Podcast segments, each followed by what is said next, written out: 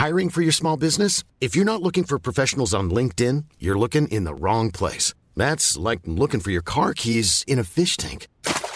LinkedIn helps you hire professionals you can't find anywhere else, even those who aren't actively searching for a new job but might be open to the perfect role. In a given month, over 70% of LinkedIn users don't even visit other leading job sites. So start looking in the right place. With LinkedIn, you can hire professionals like a professional. Post your free job on linkedin.com slash people today.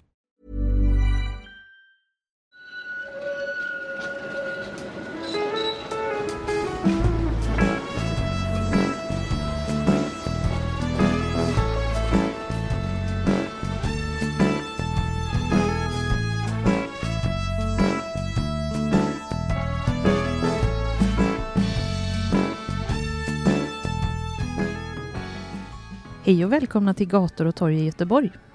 Jag heter Malin Axelsson och är programledare i podden. Och med mig har jag som vanligt Mattias Axelsson. Välkommen. Tack så mycket. Tack så Du mycket. är Göteborgskännare, gymnasielärare. Och eh, stadsvandrare, quizmaster, Ja, ja, ja. ja. andra Vi kommer saker. till det sen. Ja, förlåt. Vi befinner oss uppe på Stigbergstorget och vi har gått Stigbergsliden upp hit Mm. Och är precis på gränsen där Stigbergsliden och eh, Stigbergstorget tar vid. Mm. Vi sitter på Fyrens ölcafé på gamla Bengans, Mm. gamla Bengans café som låg här. Mm. Eh, jag kollade lite vad en skiva kostade på den tiden och det var mellan eh, 3 och 50 kronor. Mm. Alltså på 1980-talet då? Ja, eller? 70-80-talet så kunde Mm. du faktiskt hitta en LP-skiva för 3 kronor om den var begagnad. Har du, Och varit en här, ny för 20-30 spänn. har du varit här på Bengas och bläddrat i skivbackarna? Jajamän, det har jag gjort. Mm. Inte så mycket. Eh, jag ville väl vara lite cool och eh, vi hade en LP-spelare hemma, jag Mm. och min dåvarande sambo. Ehm, det blev en Morrissey, det blev några Eurythmics, lite sånt.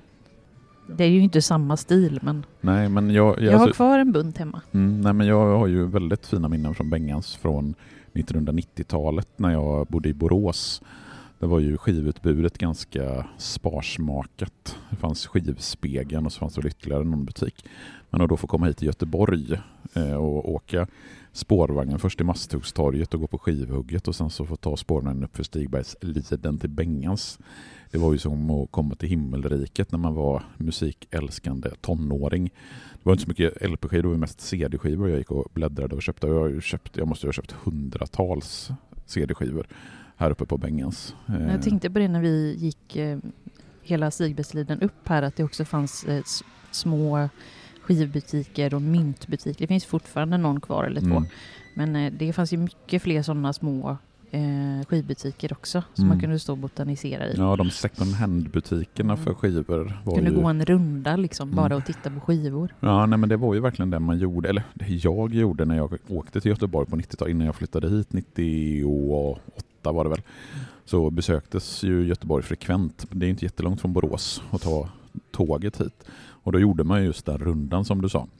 Man besökte Bengans, man besökte Skivhugget, men också alla Alltså det fanns ju jättemånga sådana second hand-butiker Mm. med skivor. Det är oerhört mycket nostalgi när jag börjar prata om Mm. det här känner jag nu. Det.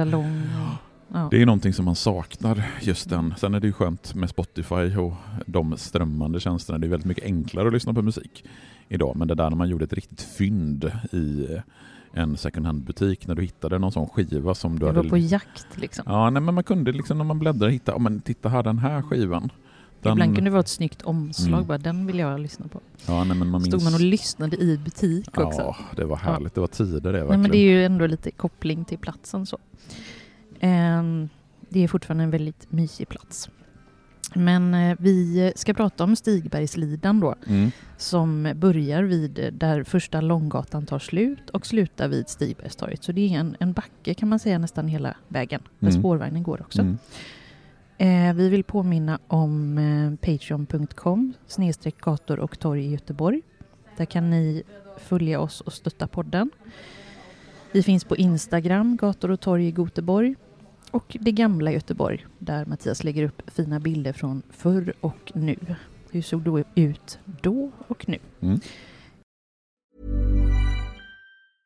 Hey, I'm Ryan Reynolds. At Mint Mobile, we like to do the opposite of what Big Wireless does. They charge you a lot, we charge you a little. So naturally, when they announced they'd be raising their prices due to inflation, we decided to deflate our prices due to not hating you. That's right. We're cutting the price of Mint Unlimited from $30 a month to just $15 a month. Give it a try at mintmobile.com slash switch. $45 upfront for three months plus taxes and fees. Promo rate for new customers for limited time. Unlimited more than 40 gigabytes per month. Slows. Full terms at mintmobile.com. Burrow's furniture is built for the way you live. From ensuring easy assembly and disassembly to honoring highly requested new colors for their award-winning seating, they always have their customers in mind. Their modular seating is made out of durable materials to last and grow with you. And with Burrow, you always get fast, free shipping. Get up to 60% off during Burrow's Memorial Day sale at burrow.com slash ACAST. That's burrow.com slash ACAST. burrow.com slash ACAST. Mm. Sen har du en stadsvandring den 20 januari. Mm. Hur eh, anmäler man sig till den och vad kommer den eh, utspelas? Den kommer att ta sin utgångspunkt att vi går längs med Stora Hamnkanalen och vi samlas vid Hotell Eggers på Drottningtorget den 20 januari klockan 13. Och det lättaste sättet att anmäla sig det är helt enkelt ja, men gör en sökning på Mattias Axelsson stadsvandring så hittar ni till min eh, sida där jag har information om stadsvandringarna.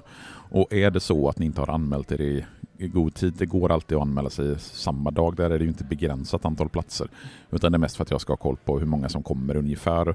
Och sen så ska vi ju även de som vill gå och ta en öl efter stadsvandringen och då behöver vi boka plats. Men för själva stadsvandringen då räcker det med att ni anmäler er eh, på den 20 januari om det är så. Ja, och det finns säkert möjlighet att följa med Ja. när man inte anmält sig till Det, ölen. det brukar sällan, ta sällan det som det kommer. Ja, det brukar sällan vara några problem. Så det är det som stundar nu i veckan som kommer. Och lyssnar ni på det här efter att vi har haft stadsvandring respektive quiz så kan vi väl, eller kan jag ju säga att det kommer fortsätta vara quiz under våren. Var tredje vecka eh, kör jag quiz på Två feta grisar med olika typer av Göteborgsteman. Det kommer lite Göteborgsmusik, Göteborgspersoner, allmänt Göteborgsquiz. Eh, där kan ni söka på Mattias Axelsson pubquiz så hittar ni information om det. Eller quiz-Mattias. Som heter på, som heter på Instagram. alltså nu får vi ja. lägga av. Har du något mer på gång så nej, då får du ta det i ett annat forum. Ja, nej, vi, vi, vi nöjer oss med det nu för nu har vi ändå babblat på det dryga fem minuter så vi kanske ska Vi komma börjar till... prata om Stigbergsliden nu Ja, då. jag känner att det, det är dags för det faktiskt. Ja. Hur länge har det hetat Stigbergsliden? Alltså inte så jävla länge som man skulle kunna tro. Eh, när jag började göra research för det här avsnittet så tänkte jag att men den här gatan har ju hetat Stigbergsliden sedan 1800-talet åtminstone. Men eh, tittar man på Göteborgs stads namnberedning så kan man konstatera att det är först i januari 1957 som gatan officiellt får namnet Stigbergsliden. Eh, den hette tidigare Stigbergsgatan och det har den hetat sedan slutet av 1800-talet. Och tittar man på gamla kartor från sent 18 och första halvan av 1900-talet så heter den här gatstumpen från Första Långgatans slut upp till Stigbergstorget just Stigbergsgatan. Dock vet vi att eh, gatan har kallats för Stigbergsliden betydligt längre. Där finns det belägg fram tillbaka till 1600-talets andra hälft. Så det man gör i mitten på 1900-talet det är att man byter namn på gatan till det som den faktiskt kallas i folkmun. Det var ingen som sa Stigbergsgatan utan de allra flesta kallade det för Stigbergsliden. Även i slutet på 1800 och början på 1900-talet. Och namnet det kommer ju sig givetvis av att den ligger i anslutning till Stigberget som i sin tur har rötter tillbaka till 1500-talet, alltså innan Göteborgs, Göteborg grundas. Och namnet Stigberget, det tror man kommer ifrån att det är ett berg med många stigar upp på sig. Och Stigberget, det pratade vi en del om i avsnittet om just Stigbergstorget som vi gjorde för typ tre år sedan. Det var ju en gränstrakt mellan det Göteborg som grundas 1621 och Majorna. Och sen så införlivas ju Majorna med Göteborg 1868. Men fram till 1868 så är ju Stigberget själva gränsen mellan Göteborg och Majorna. Men då undrar man ju lite vad det var för typ av gata innan Majorna blev en del av Göteborg 1868. Ja, alltså Stigbergsliden det är ju en del av en gammal förbindelselänk mellan å ena sidan gamla Älvsborg som ju ligger ute vid Klippan som har rötter från 1300-talet. hela vägen bort till Nya Lödösö från 1400-talet. Och där ingår ju Stigbergsliden i den vägsträckningen. Och sen så finns det ju de arkeologer som menar att man skulle kunna spåra Stigbergsliden hela vägen tillbaka till den yngre järnåldern, alltså till vikingatid innan medeltiden. Och då var det ju ingen gata, utan då var det ju en liten stig som man använde sig för att ta sig förbi Stigberget längs med älven. Och den har beskrivits på det här sättet. Det var en fruktansvärt brant, krokig, knagglig och gyttjig lid, ytterligt besvärlig för både människor och djur. Vid vissa årstider liknade liden mer en kloak än en färdväg. Så eh, det var ju inte det lättaste förmodligen att ta sig fram på den här vägsträckningen i och med att den låg så pass nära vattnet. Och eftersom Majorna var något av ett centrum för sjöfart Alltså både innan Göteborg grundas men också sen när Göteborg väl har grundats på 1600-talet så får Stigbergsliden sin betydelse som någon typ av entré in till den västliga förorten Majorna. För det är ju i Majorna som många av sjömännen bosätter sig och då blir ju Stigbergsliden den gata eller den stig som man behöver använda sig av för att komma in i Majorna. Men i och med att trafiken då ökar på Liden när Göteborg grundas på 1600-talet och när sen eh, fartygstrafiken får ännu större betydelse på 1700 och början på 1800-talet så blir det omöjligt att behålla Stigbergsliden i det skick som det var, som den här gyttiga, leriga stigen. Om man tänker numera så tänker man att man skulle kunna gå runt. Men det fanns ju inte någon väg där. Vattnet gick ju ändå. Ja, alltså Oscarsleden fanns ja. ju inte på 1800-talet om vi säger så. Om man tittar ner, nerför eh, Sjömanskyrkan där mm. så var det ju vatten rakt ner där. Ja, och där har jag också några fina bilder som jag kanske kommer lägga upp på våra Instagram-sidor. Just hur det såg ut nedanför Stigberget innan man drar fram Oscarsleden. Mm. Och det är precis som du säger och det är ju viktigt att ha med sig att det var ju här man var tvungen att gå om man skulle ta sig bort från Majorna in till Göteborg så ja, men det var ju Stigbergsliden. Annars skulle man ju klättra upp på själva Stigberget och det är ju mycket krångligare. Och, ja. ja, mycket, mycket, mycket krångligare. Men eh, vi kommer väl in på det nu då. Vad gjorde man för att förbättra vägen? Ja, alltså att förbättra vägen det var lättare sagt än gjort. För Majorna var ju då inte en del av Göteborg utan en egen landskommun. Och där fanns det ingen vilja, eller ja egentligen det fanns inga pengar för att göra de nödvändiga förbättringar som krävdes. Stan ansåg att det inte var deras angelägenhet, alltså Göteborgs stad. Och det är först på 1800-talet som gatan överhuvudtaget stensätts med de glatta runda gatstenarna som man använde under 1800-talet. Och det är i slutet av 1840-talet som man någonstans inser att Stigbergsliden den är för brant, den är för gyttjig och den är för krånglig. Så den behöver omstruktureras. Så man bildar ett företag, man upprättar en ganska omfattande arbetsplan för att göra om Stigbergsliden. Och det man gör egentligen är att man bygger en helt ny väg. Och det man använder sig av det är sten och grus från den punkt där breda och smala vägen möts. Alltså den rondell som ligger precis nedanför Stigbergsliden. Alltså ja, egentligen där första Långgatan börjar och Stigbergsliden tar vid. Och den sträckte sig längs med sidan av den gamla Stigbergsliden till den övre änden. Och den nya vägen blir därmed längre och lite mindre brant. Och för att inte stänga av trafiken till barlastkajen så placerade man valv under den nya la, eh, liden. Eh, och planen var att det skulle inrymmas handelsbodar under här och att det skulle generera inkomster. Och trots att det fanns vissa farhågor om att arbetet utförts slarvigt så fortsatte man byggandet och i början av 1853 så har man närmat sig en punkt för att arbetet ska vara slutfört. Och hur, alltså det kan vara lite svårt att beskriva hur det såg ut men det finns också där fotografier och en del målningar av hur Stigbergsliden tog sig uttryck i mitten på 1800-talet som också där ska lägga upp på vårt Instagramkonto. Eh, men hur blev det då efter den här eh, om, stora ombyggnationen? Ja, alltså det blev ju egentligen startskottet för ytterligare förbättringar av vägnätet här kring. Den långa sträckan från den västra ändpunkten av stadens nya allé vid Järntorget i Klippan som tidigare hade varit en av de sämsta vägarna att ta sig fram eh, förvandlades i och med den här ombyggnationen till en av de bästa vägarna att ta sig runt omkring Göteborg. Och sedan 1600-talet och långt fram in på 1900-talet så hade ju Stigberget och området runt omkring här präglats av just närheten till hamnen och närheten av sjöfarten. Och på bergsluttningarna ovanför älven så hade sjömän och hamnarbetare byggt bostäder ganska oreglerat runt omkring Stigbergsliden. Men om man ser på de bilder som vi har från 1800-talet så kan man se att det finns ingenting bebyggt på den norra sidan om Stigbergsliden, alltså den delen som vetter mot älven. Så promenerade man upp för Stigbergsliden under 1800-talet så hade man alltså fri sikt ut över älven från den vägbank som man hade byggt upp hela vägen från Första Långgatan upp till Stigbergstorget. Ja, man kunde ju se där på bilderna att det var eh, fritt, mm. fri sikt som du pratade om där norr om. Mm. Men när börjar området då bebyggas? Ja, så det här området norr om eh, Stigbergsliden, alltså med Göta älv i norr och Stigbergsliden i söder, det kallas för Fyrkanten.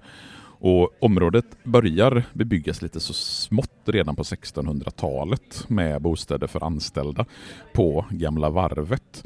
Och sen så ökar bebyggelsen och antalet invånare under 1700-talet under sillperioden som ju inträffar under 1700-talet. Och det, innebär, eller, det som händer det är ju att man lägger fler sillsalterier innanför stadsgränsen i masthamnarna och i själva fyrkanten.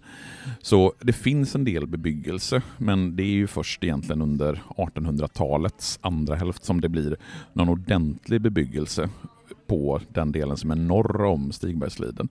Och man kan ju återigen då använda Fredbergs Det gamla Göteborg från 1923 för att få en känsla åtminstone hur han beskrev det här området Fyrkanten som då låg mellan Stigbergsliden och Göta älv. Och han har beskrivit det som en trevlig och pittoresk stadsidyll med pålvirken, småbryggor och lilleputhus på sluttningarna. Röda och vita och gula och gröna kojor om vartannat. Skuggade av gamla förkrympta träd, vilka med sin sommargrönska gåvo idyllen ännu större friskhet och behag. Så det här är ett område som Fredberg håller väldigt högt när han beskriver det gamla Göteborg i början på 1900-talet. Sen så kommer ju 1900-talet med väldigt mycket omdaningar vilket innebär att den äldre kåkbebyggelsen rivs och de hus som vi idag känner från Stigbergsliden börjar växa fram. Det finns ett hus kvar från den tiden, Sjömanshuset. Mm. Eh, du berättade ju att området här omkring var viktigt för sjömännen och familjerna. Och det, då är det inte konstigt att just det huset står kvar. Nej, det är ju från 1830-talet och det är därmed det äldsta av de husen som fortfarande finns längs med Stigbergsliden.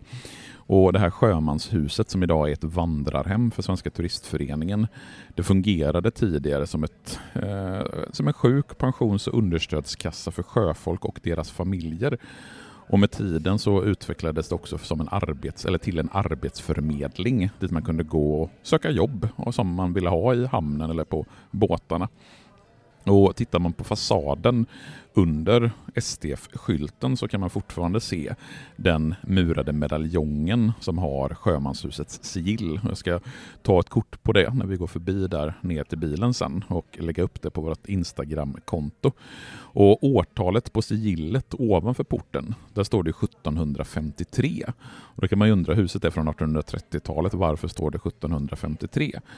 Jo, det beror på att det var då Sjömanshusets verksamhet startade upp i Göteborg. Och det är fem år efter att ett statligt reglemente hade slagit fast att det skulle finnas sjömanshus för hela riket i Stockholm först. Och verksamheten växte snabbt i Göteborg eftersom Göteborg ju var en sjömansstad under 1700-talet. Och med tiden så kom sjömanshuset här i Göteborg att bli det största sjömanshuset i hela landet. Och när man hade haft verksamheten i Sjömanshuset under några år eh, så finns det en beskrivning från 1854 att man då gav ekonomiskt stöd till 11 sjökaptener, 66 sjökaptensänkor, 13 sjökaptensfamiljer med 27 barn, 65 sjömän, 188 sjömansänkor, 73 sjömansfamiljer med 151 barn samt, 100, samt 15 ogifta döttrar till fattigt sjöfolk. Så det är ju ganska många människor som omfattas av det stödet som man får ifrån sjömanshuset. Och gården inne på sjömanshuset, som idag är en innergård på vandrarhemmet, det var en plats där man möttes, där olika sjöfolk träffades när man var och letade arbete. Det hölls dagliga utrop där företagen kunde ropa ut att det behövdes arbetskraft nere i hamnen på fartygen och att gå på gården det var länge en synonym för att man sökte jobb till sjöss eller i hamnen. Och Sen så har Sjömanshuset varit ett vandrarhem sedan 1996. För det avvecklas ju som ett sjömanshus när hamnens betydelse på den här sidan minskar och hamnverksamheten snarare flyttar över till andra sidan, alltså till den norra älvstranden. Låter som en arbetsförmedling och försäkringskassa för sjöfolk. Ja, nej, men det var ju precis det så det fungerade. Mm. Man, man hade, dit gick man för att eh, söka jobb och dit gick man också för att få stöttning i de tider man inte hade jobb. Ett helt annat hus från 1800-talet ligger ju på andra sidan, Henriksberg. Mm. Men eh, det är långt ifrån den första krogen på gatan. Ja, nej men alltså eftersom det här var stadsgränsen och intill stadsgränsen så fanns det tidigt ett värdshus och Erik Henriksberg har sedan 1870 ungefär legat här. Men det var mycket krogar runt om i Majorna på den här tiden? Ja, alltså Majorna var enormt krogtätt under 1800-talet. Och det har beskrivits, jag Christian Wedel som har skrivit en jätterolig krönika i GP om kroglivet, där han menar att det fanns fler krogar på, alltså på 1700-talet så fanns det fler krogar på den här strandremsan som är Majorna än vad det fanns i, på hela den bohuslänska landsbygden. Och det fanns goda skäl att att anta att de illegala krogarna var precis lika många som de legala krogarna. Så Majorna var ju enormt krogträtt under 1700 och 1800-talet eftersom i Majorna bodde det mycket folk, mycket sjömansfolk som gärna besökte de här krogarna. Och nere vid gränsen mellan Göteborg och Majorna så låg den klassiska krogen Sista Styven. Och själva byggnaden den var placerad på gränsen gränsen mellan Masthugget som då tillhörde Göteborg och Majorna.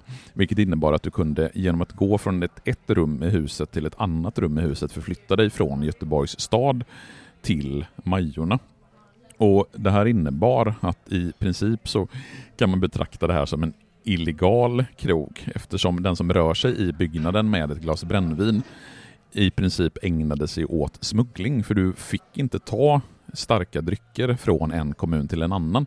För regleringarna av eh, försel av alkohol var ju oerhört mycket strängare då än vad de är idag. Och Det finns också berättelser, jag vet inte om det här är skrönor eller om de faktiskt går att belägga, hur en person som var efterlyst i Göteborg för någon typ av brottslig verksamhet och befann sig inne i krogen och när eh, polisen kom så gick han helt enkelt ett annat rum för då befann han sig helt plötsligt i Majorna och där hade polisen inte någon jurisdiktion så de kunde inte fånga honom på samma sätt som man kan se i amerikanska filmer. Du vet hur bovar då reser från den ena delstaten till den andra för att på så vis komma undan lagens långa arm. Och Det finns berättelser om hur man på sista styven på gränsen mellan Majorna och Göteborg ägnade sig åt samma typ av verksamhet. Och det namnet Sista styven det kommer sig av att sjömän spenderade sina sista styvrar, alltså sina sista pengar innan de gav sig ut på havet. Och Själva krogen den låg i källarvåningen och där ska det ha varit så lågt i tak att en någorlunda storväxt man i princip inte kunde stå raklång och golvet på sista styven det var belagt med tegelsten. Så det här är ju en av alla de klassiska krogar som låg här.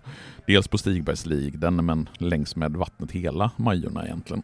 När bygger man Henriksberg så som huset ser ut idag? Alltså från mitten på 1800-talet så ägdes platsen där Henriksberg nu ligger av en skräddarmästare vid namn Lind. Och på den tiden så fanns det ett mindre hus omgivet av en trädgård. Och Lind, skräddarmästare, han säljer sedan den här platsen till källarmästare Henriksson som insåg att det här är ett perfekt läge för att bygga ett värdshus. Och under 1860-talet någonstans så bygger Henriksson huvudbyggnaden för restaurangen. Och i huset så bedrivs det krogrörelse som kallas för Stigberg, Stigbergsvärdshuset eller Backlunds restaurang efter föreståndarinnan Matilda Backlund. Och sen så börjar man att använda namnet Henriksberg någon gång på 1870-talet. Och troligtvis så har platsen fått namnet Henriksberg efter Henriksson som var källarmästare och som lät bygga huvudbyggnaden för restaurangen. Och under slutet på 1800-talet så anlägger man terrasser på platån varifrån man kunde njuta av den härliga utsikten över Skeppsbron och under soliga sommardagar sitta där och njuta av goda drycker. Sen så upphör restaurang, eller utomhusserveringen på 1890-talet och man bygger den nuvarande glasverandan på sluttningen. Och sen så finns det ju hur många olika historier som helst om kända personer som har suttit och varit på Henriksberg. En av dem är ju Fritiof Nilsson Piraten som jag tror har fått en gata uppkallad efter sig, eller om det är en plats precis i anslutning till Henriksberg. För han skrev delar av sin debutbok Bombi Bitt och jag på Henriksberg. Och han berättar själv att det var en underbar maj månad det året. Jag satt ute på terrassen varje dag mellan halv två och fyra. Det var alldeles folktomt, det var ljuvliga dagar. Solen lyste, späd grönska sprang ut, även glittrande blank Lar älven glittrade blank, larmet från, halmen, från hamnen, vårens symfoni och träden växt, växte rakt upp från terrassens trägolv. Det gick lätt att skriva. Man kan tänka sig hur Fritiof Nilsson, piraten, sitter på Henriksberg på 1930-talet och skriver sin debutbok. Sen så invigs ett något modernare Henriksberg under pågående andra världskrig 1943 i Varabolagets regi efter att man har gjort omfattande renoveringar. Och trubaduren Lasse Dahlqvist hade kvällen till ära skrivit Visan en kväll på Henriksberg som blev en väldigt populär låt på 1940-talet. Och sen så påbörjas rivningar av stora delar av restaurangen i början på 1970-talet. Och sen invigs det i Henriksberg så som vi känner det idag i oktober 1970 i en tidningsartikel från sent 1800-tal så skriver de ju att Göteborg är liksom eh, fullt av restauranger och förfriskningsställen. Och man kallar eh, Henriksberg för Göteborgs Mosebacke. Mm.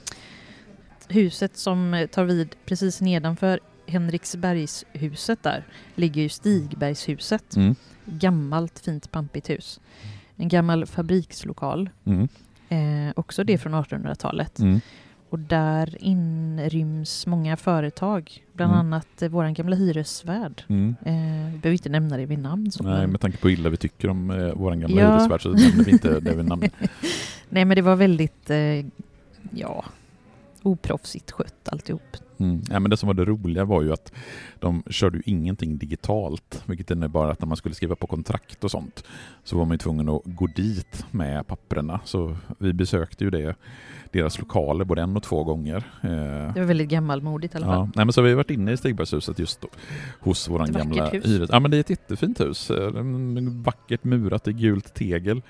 Och du noterar de här tornen som är uppe på huset och det är ett väldigt utsmyckat mm. hus. Det känns pampigt liksom när man går in också. Mm. Och det står ju Stigbergshuset med stora bokstäver längst upp men kallades också för Wettergrenska huset eftersom det var Wettergren som byggde huset just som en fabrik under slutet på 1800-talet och historien bakom företaget Wettergrens det går ju tillbaka till mitten på 1800-talet då småhandel fanns nedanför eh, Tyska kyrkan vid det som kallas för Tyska bordarna.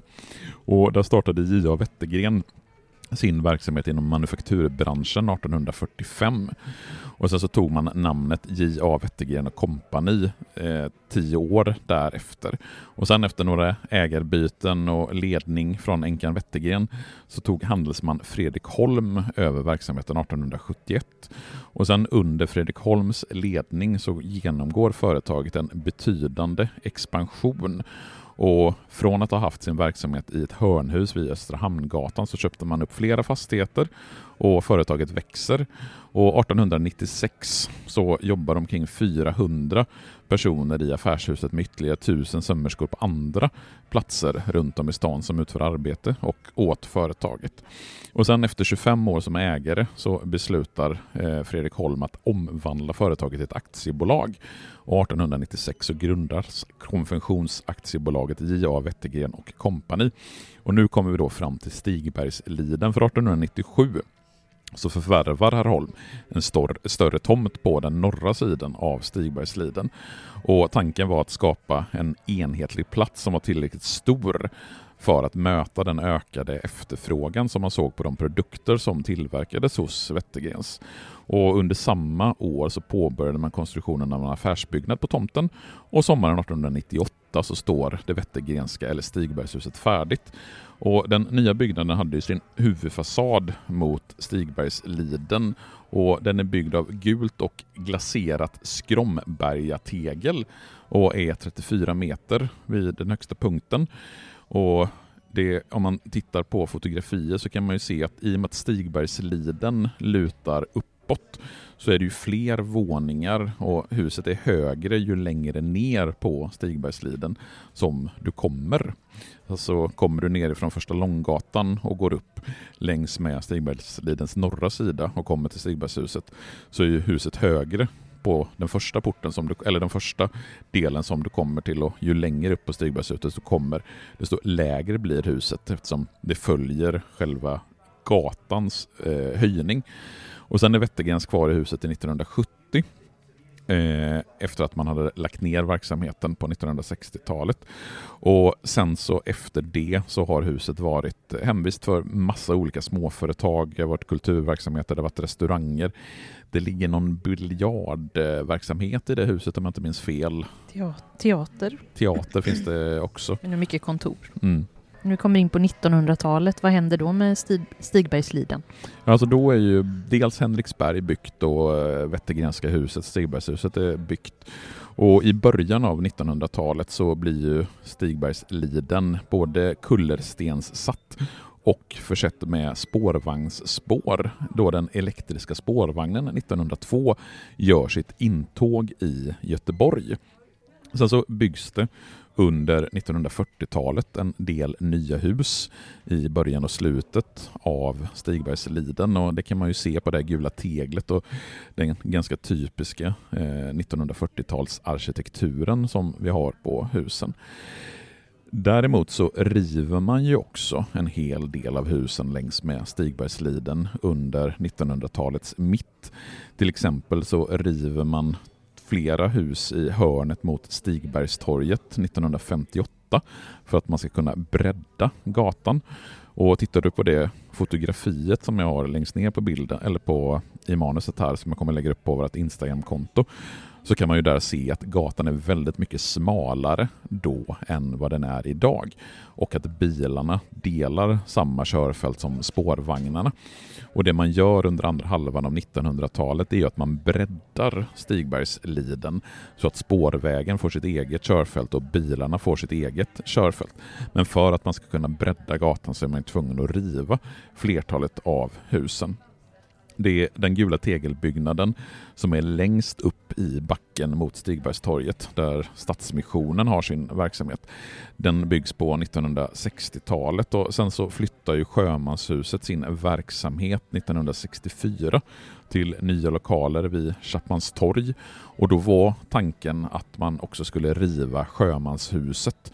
Men tack och lov så räddade man ju den byggnaden och numera så har ju Svenska turistföreningen det huset som ett vandrarhem.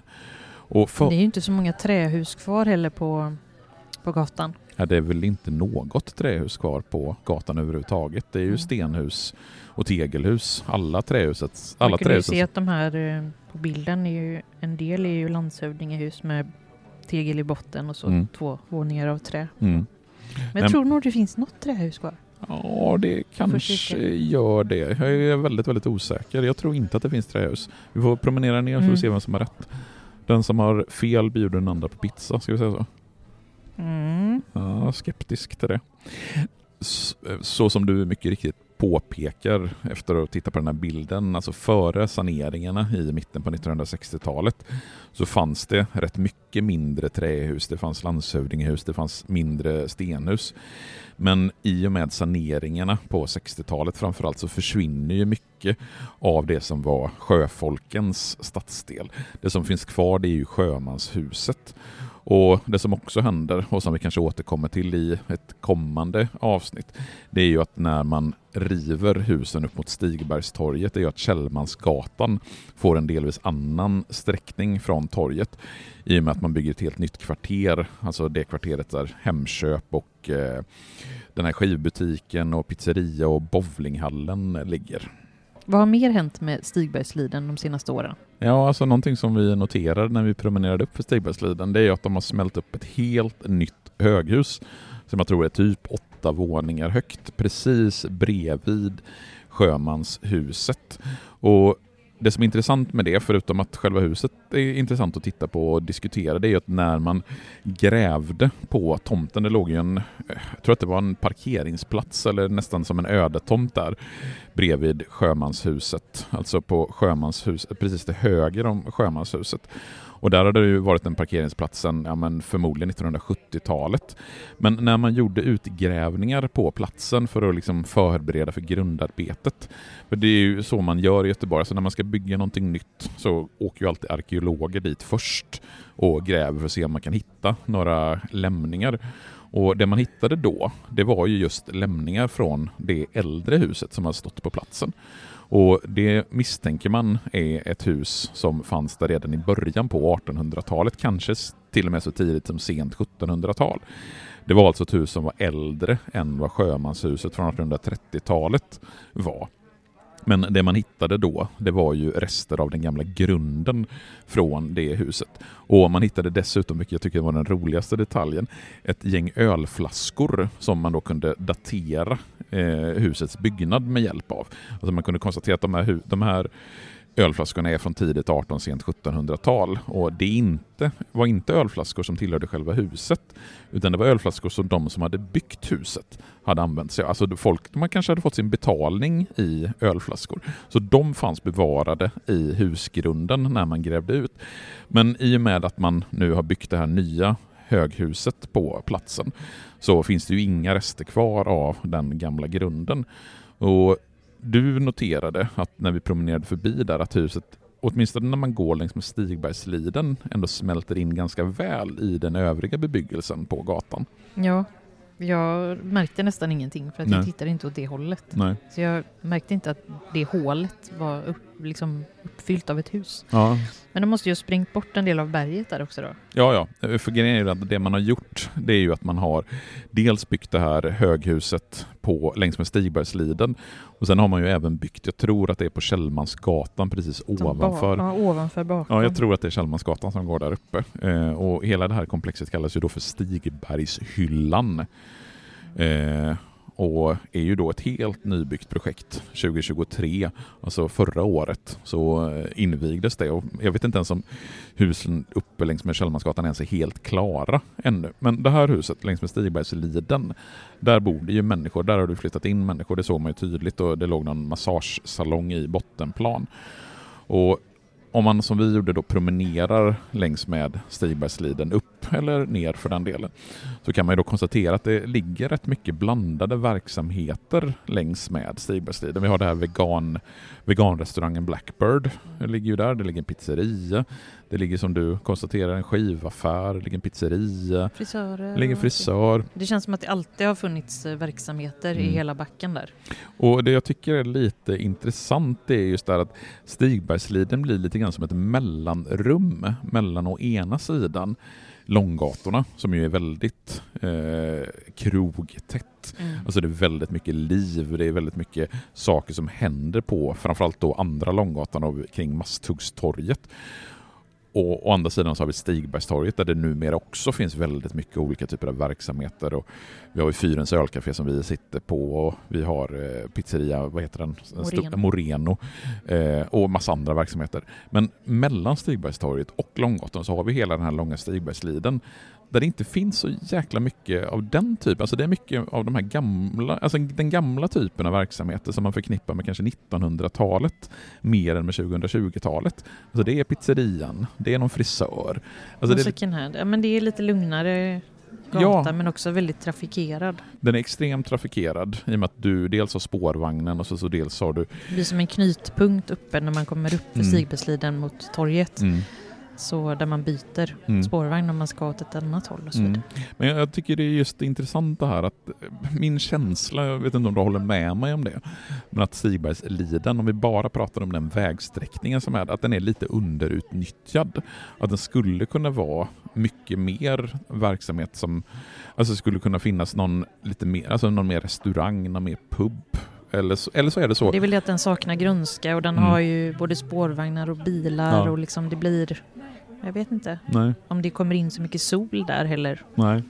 på sommarhalvåret. nej det kan, det kan, kan vara det. Jag bara, jag bara Men det le lever ju. Mm. Det är ju fortfarande livligt och mycket, mycket verksamheter. Det är ju säkert, vad kan det vara, 30 stycken eller Ja, någonting. men jag, jag tänker att det, det är inte den typen av verksamheter som, alltså när butikerna stänger vid sextiden kanske, så dör Stigbergsliden lite grann. Mm. Det är en transportsträcka.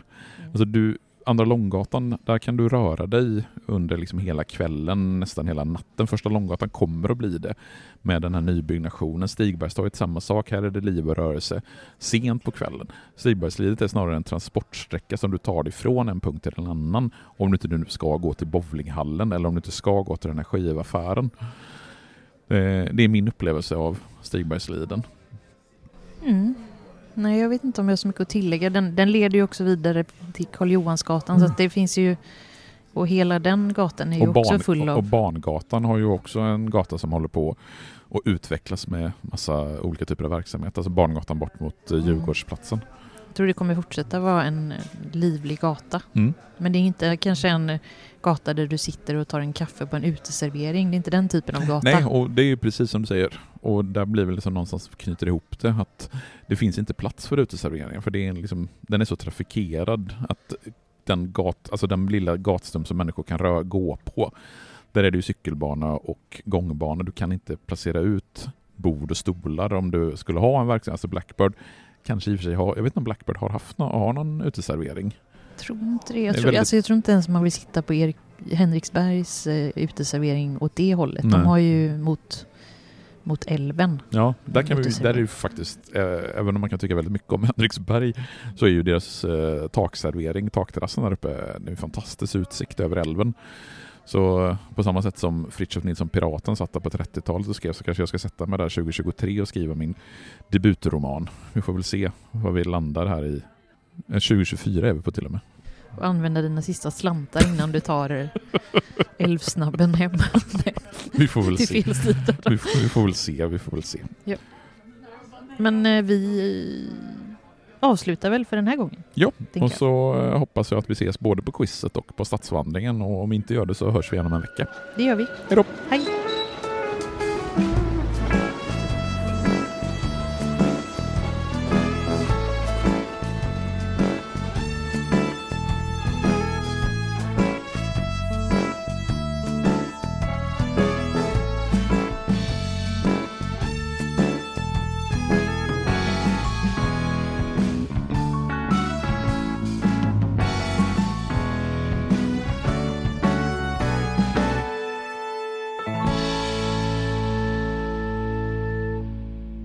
Gator och torg i Göteborg produceras av Reostat Media AB. Mom deserves the best, and there's no better place to shop for Mother's Day than Whole Foods Market. They're your destination for unbeatable savings, from premium gifts to show-stopping flowers and irresistible desserts. Start by saving 33% with Prime on all body care and candles. Then get a 15-stem bunch of tulips for just $9.99 each with Prime. Round out Mom's menu with festive rosé, irresistible berry chantilly cake, and more special treats. Come celebrate Mother's Day at Whole Foods Market.